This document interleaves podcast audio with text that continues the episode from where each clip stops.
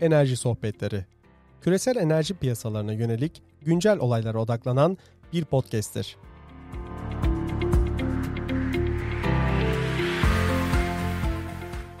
Merhaba, 5 Temmuz 2021 tarihinde karşımızda Uluslararası Enerji Ajansı'nın kıdemli analistlerinden Heymi Bahar var. Heymi merhaba.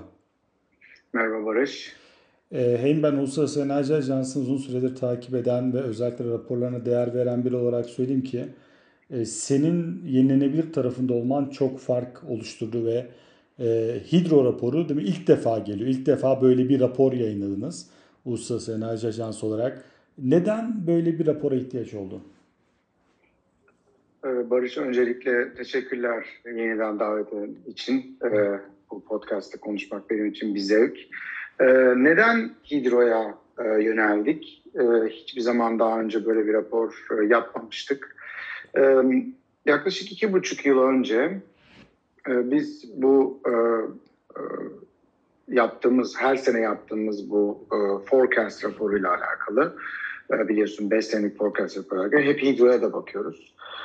Ama geçtikçe zaman hidroya yeterince böyle önem vermediğimizi ve hidronun gerçekten iki konuda çok büyük olduğunu fark ettik. Bir, en büyük yeşil enerji mi diyelim artık. Hatta nükleeri de işin içine katarsak e, az karbonlu e, ya da sıfır karbonlu e, enerji arasında en büyüğü. Hem de yani e, diğerlerine karşılaştırınca çok daha büyük. En yakın nükleer ondan bile yüzde yaklaşık 60 daha fazla. İkincisi de e, dünyadaki aslında en büyük esnek kapasite. E, kömür ve gazla beraber e, üçü yaklaşık eşit oranda e, günümüzdeki saatlik esneklik olarak e, konuşalım. E, ondaki en büyük kapasite. Ve e, ama bu e, hidronun bu e, desteğine karşı e, baktığınız zaman kimse konuşmuyor hidro ile alakalı. Yani e, siz e, bir tane e, 10 e, megawattlık bir güneş santrali bile gazetelere haber olurken e, ya da 20 megawattlık bir rüzgar santrali maalesef hidro e, verdiği e, destek, e, contribution'ı diyelim yani e, e, ile alakalı olarak e, orada bir inanılmaz bir farklılık var ne kadar bahsedilmesine.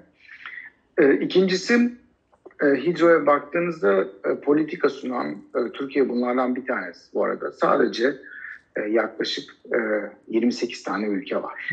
Hidro ile alakalı özel bir planı olan, ya da bir e, e, e, devlet politikası sunan, teşvik sunan vesaire diyeyim. Sadece e, 30 ülke bile yok. E, karşılaştırdığınız zaman rüzgar ve e, güneşle yüzlerce ülke e, öyle ya da böyle bir destek sunuyor e, güneş ve rüzgara. Batarya deseniz bu da aynı şekilde çok daha fazla. Hidroya çok daha az. Ve dedik ki biz madem öyle e, bunu bir araya getirirsek hidro ile alakalı bir rapor yapalım. Öncelikle bu e, bizim e, piyasa raporunda bir parça olacaktı, bir bölüm olacaktı. Hı hı. Ancak e, geçtiğimiz e, Şubat ayında yani Covid'den önce ki Şubat ayında artık 2020 oluyor geçtiğimiz sene e, bir e, çalıştay düzenledik. Hatta Türkiye'den de katılım olmuştu. E, Paris'te e, bu raporun lansmanıyla yani başlangıcıyla alakalı bir böyle bir çalıştay yaptık. Ve bu çalıştayda çok ilginç sonuçlar ortaya çıktı. Ondan sonra Covid vesaire derken bunu ayrı bir rapor e, e, olarak yapma kararı aldık. E, rapor e, böyle durdu. Bir de e, e, Başkanımız Fatih Bey e, biliyorsun e, hidroya ayrı bir ilgisi var. E, ve o da e, geçtiğimiz sene, ya pardon iki sene önce Paris'teki en büyük hidro konferansında e, IEA will be the voice of hydropower diye bir söz vermişti. E, IEA hydropower'ın sesi olacak diye. E, ve bunların hepsini birleştirince bir hidro raporu doğdu. Biz çok yakın çalıştık ülkelerle ve şirketlerle bu konuda. Bir sürü şirketten ve ülkeden bilgi aldık vesaire.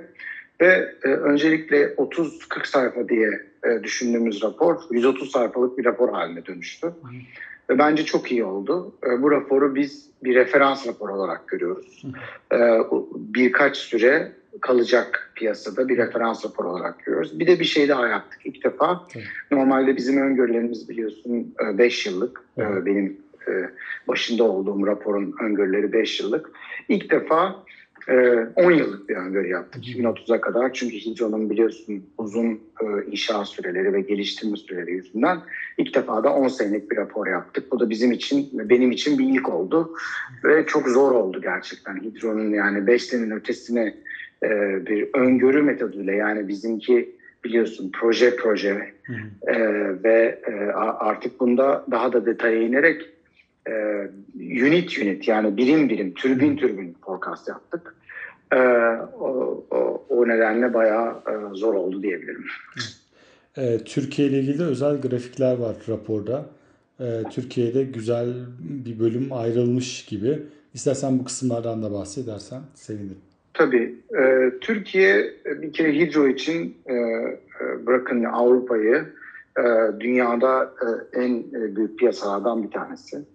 E, ve e, bizim e, öngörümüze göre önümüzdeki 10 yılda da yani 9 yılda artık 2030 yılına kadar e, üçüncü en büyük e, büyüyen piyasa olacak kapasite büyümesi açısından. Yani birincisi Çin, ikincisi Hindistan, e, üçüncüsü Türkiye.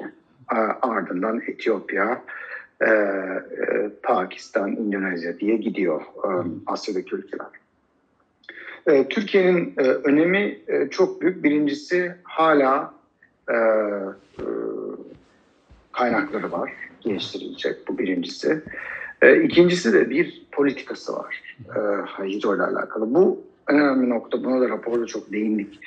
Hidro bir plan istiyor. Uzun dönemli bir bakış açısı, bir plan istiyor birincisi. İkincisi de bir e, teşvik sistemi istiyor. Niye teşvik sistemi? Çünkü e, şu anda hiçbir özel yatırımcı dünyada, bunu nereye giderseniz gidin, e, hidroya yatırım yapmaz.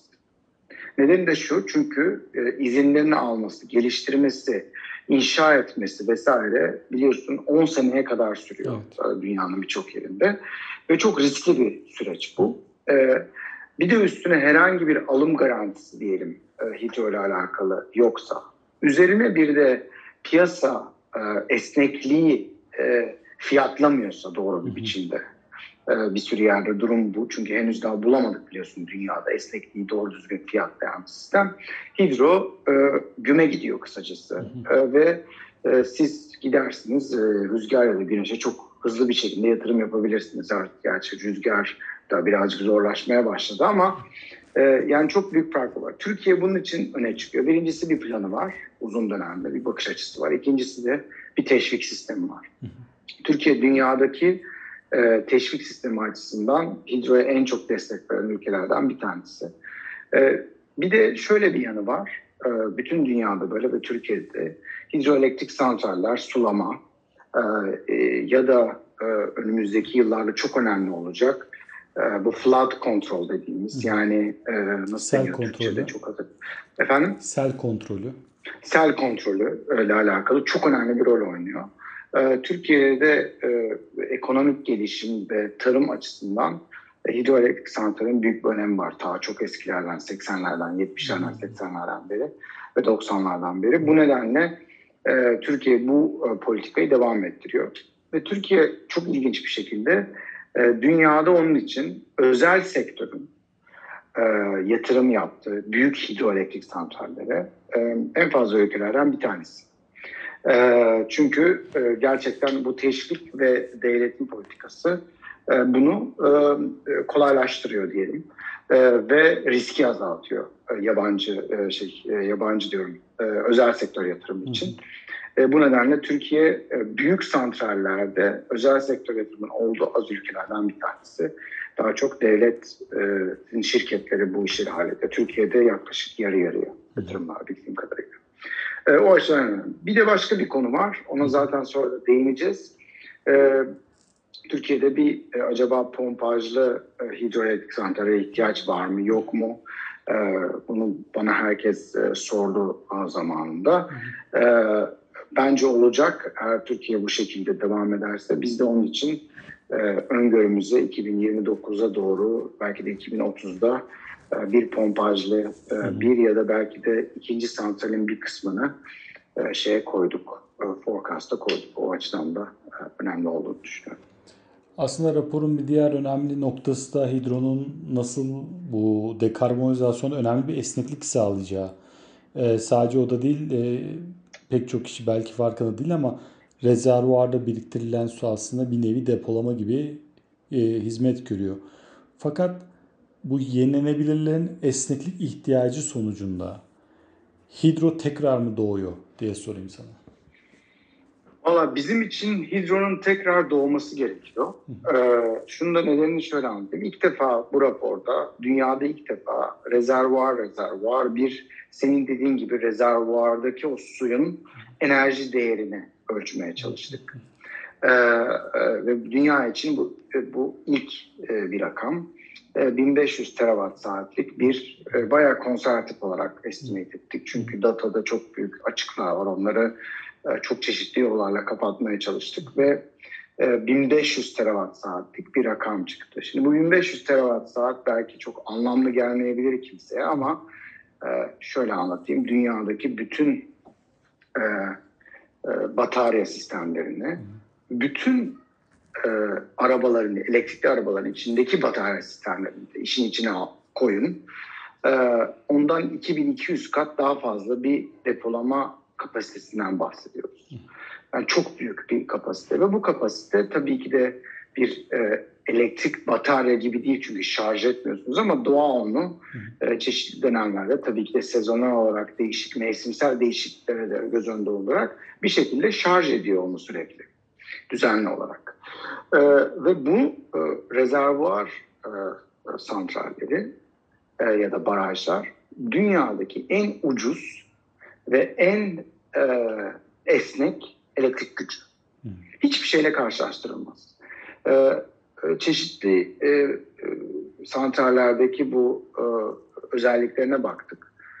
Bir rezervuar hidroelektrik santrali dizaynına göre o kadar çok esneklik katıyor ki e, türbinlerin durdurulması, minimum çalışma e, oranları, e, e, tribünün ramp up dediğimiz e, hızlandırılması yani gücünü arttırması e, ve azaltması.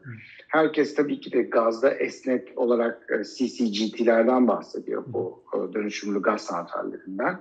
E, onun çok daha üzerinde de esnekliği var rezervuar e, santrallerinin baktığınız zaman. E, ama kimse bundan konuşmuyor şu anda. Ve biz raporda e, bunun öneminden bahsediyoruz. Çünkü e, şu anda piyasalar tabii ki de e, bir rezervuar santralleri yaklaşık olarak bir base load gibi yani işte enerji piyasalarına maksimum derecede enerji satsın, e, gelir alsın vesaire diye dizayn edilmiş durumda. E, ancak onların çok daha fazla yetenekleri var rezervuar santrallerin bu esneklik açısından ama dünyanın birçok yerinde bu şekilde kullanılmıyorlar. çünkü piyasalar onu fiyatlandırmıyor eşit derecede. O yüzden daha çok ne kadar enerji üretirsem o kadar e, işte para alırım e, şeklinde bütün dünyada bu böyle ilerliyor. Ama e, biz bunun e, birazcık değişmesi gerektiğini düşünüyoruz gelecekte. Çünkü e, dünya daha çok enerjiye ihtiyacı olmayacak ama daha çok kapasiteye ihtiyacı olacak. Ee, daha yüksek kapasitelerle ne kadar sistem yukarı çıkılabilir ya da aşağı inilebilir. Ee, Türkçe'de buna tevzi atma, tevzi alma mı deniyor bilmiyorum evet, tam olarak ama e, bu şekilde nasıl e, hızlıca biz güneş ya da rüzgar olmadığı zaman artırabiliriz. E, buna e, bakalım. Bir de başka bir son noktaya değineyim. Eğer biz e, sıfır emisyonlu bir dünyaya doğru gidiyorsak e, bu karbon e, kısıtlama yöntemleri ortada yoksa tek opsiyonunuz fazla scale'de hidro, yenilenebilir enerji esneklik sağlamak için. Yani başka bir opsiyon yok. İkinci opsiyonunuz yeni nükleer santraller. Onları e, inşa etmek biliyorsun şeyden de daha zor. Dünyanın birçok yerinde. Hidrodan da daha zor. O nedenle yani e, bir nasıl hidronun e, yeniden doğumunu yapabiliriz e, ve onu nasıl modernize edebiliriz? E, biz ona çok önem verdik bu raporda. E, çünkü bu dünyada bir sürü santral var 55 yaşın üzerinde ve e, şey noktasına geliyor. Bu santrallerin yenilenmesi gerekiyor. E, raporda ona değindik. Yenilenecek santrallerin hepsi ne teşvik sağlanırsa e, ve de bunlar öyle bir şekilde yenilenirse bu yeni e, bu yeni bir e, rüzgar ve güneş penetrasyonu için e, modernize edilirse dünyaya çok büyük bir katkısı olur elektrik sistemine, güvenlik açısından. Aslında burada hep kafa gene pompaj hidrolara gidiyor. Gerçekten de e, ekonomikliği biraz daha olsa e, çok ucuz, mantıklı bir depolama yöntemi. Peki geleceğe baktığında sen neler görüyorsun? Valla önümüzdeki 9 sene içerisinde tüm e, inşa edecek hidroelektrik santrallerin yaklaşık yüzde e, yani üçte biri e, hatta birazcık daha fazlasını biz pompajlı sistemlerden bahsediyoruz. Ve bu e, şu anda ben iki noktada hem gelişmiş ülkelerde hem de gelişmekte olan ülkelerde ikisinin nedeni aynı e, esneklik ve depolama. Şimdi tabii ki de hepimiz bataryalardan bahsediyoruz. Bataryalara inanılmaz teşvikler veriliyor.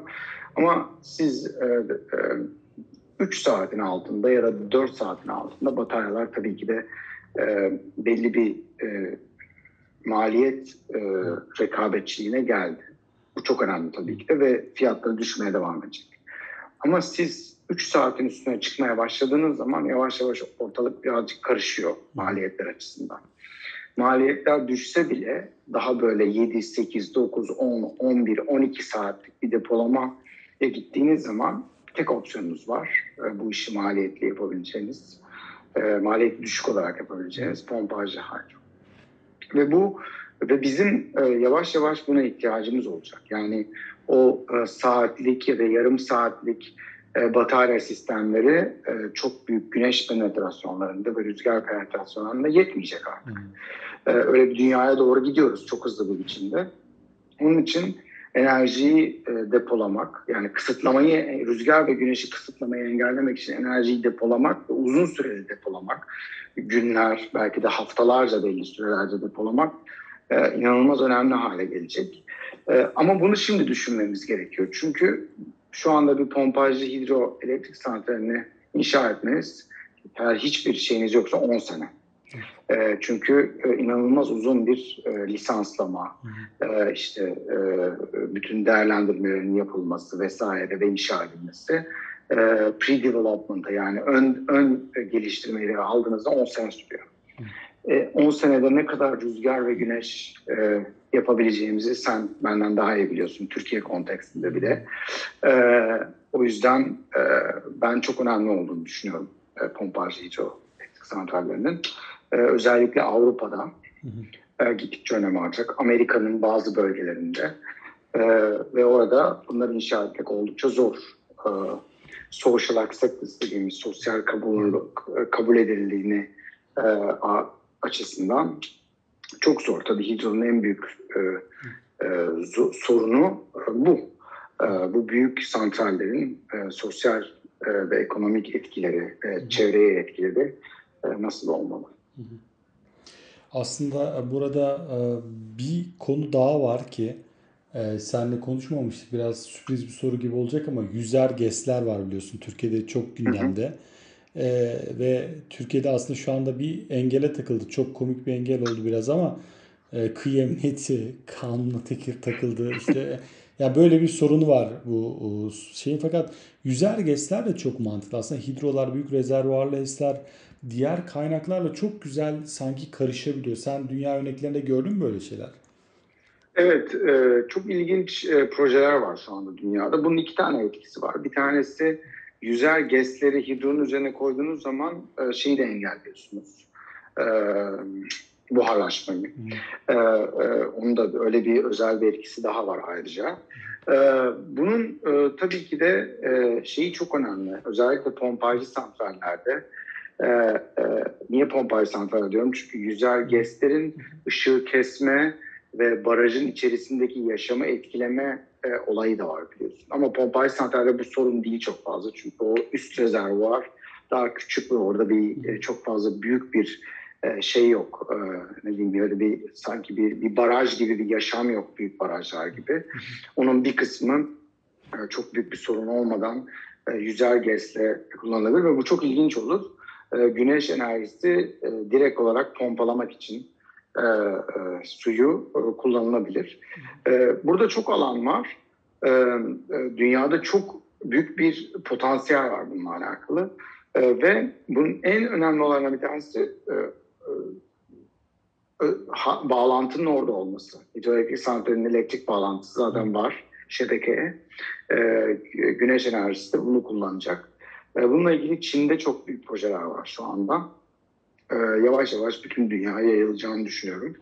E, ama e, ondan önce nasıl biz e, pompajı elektrik santrallerini yapabiliriz onu bir e, düşünmemiz lazım diye düşünüyorum. E, daha ona onun önünde çok fazla engeller var. Onları nasıl aşabiliriz?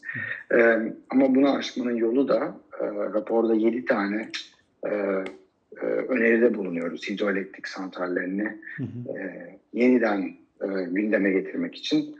E, bunlardan önemlisi belli bir politikanın olması ve bir teşvik sisteminin olması. E, ve e, çünkü başka türlü e, bu kadar uzun dönemli ve riskli yatırımlara özel sektörün yatırım yapması çok çok zor. E, hem çok teşekkürler. Başarıların devam diliyoruz. Tüm raporlarını ilgiyle okuyoruz. Eklemek istediğim bir şey var mı? Yok teşekkür ederim yeniden davetin için. Bir sonraki raporda o da e, Kasım'ın e, sonuna doğru yayınlayacağız. COP'tan sonra. Hı hı. E, bakalım orada da nelere değineceğiz. E, henüz daha yeniden ona çalışmaya başladık. Bugün birinci gün hidro bittikten sonra. E, bakalım orada ne mesajlar çıkacak. Herhalde o zaman konuşuruz seninle yeniden. Tabii ki ben daha öncesinde de konuşmak dileğiyle belki insanların kafasında ne raporu diye sormam gerektiği gibi bir soru olabilir ama özellikle Uluslararası Enerji Ajansı'nda çalışan uzmanlara ve analistlere mümkün olduğunca konuyla alakalı soruları sorup daha ötesine geçmemeye özen gösteriyoruz ki onları da zorlamayalım diye. Hemi çok teşekkürler. Paris selamlar. Teşekkürler. Konuşmak üzere. Sağ olun.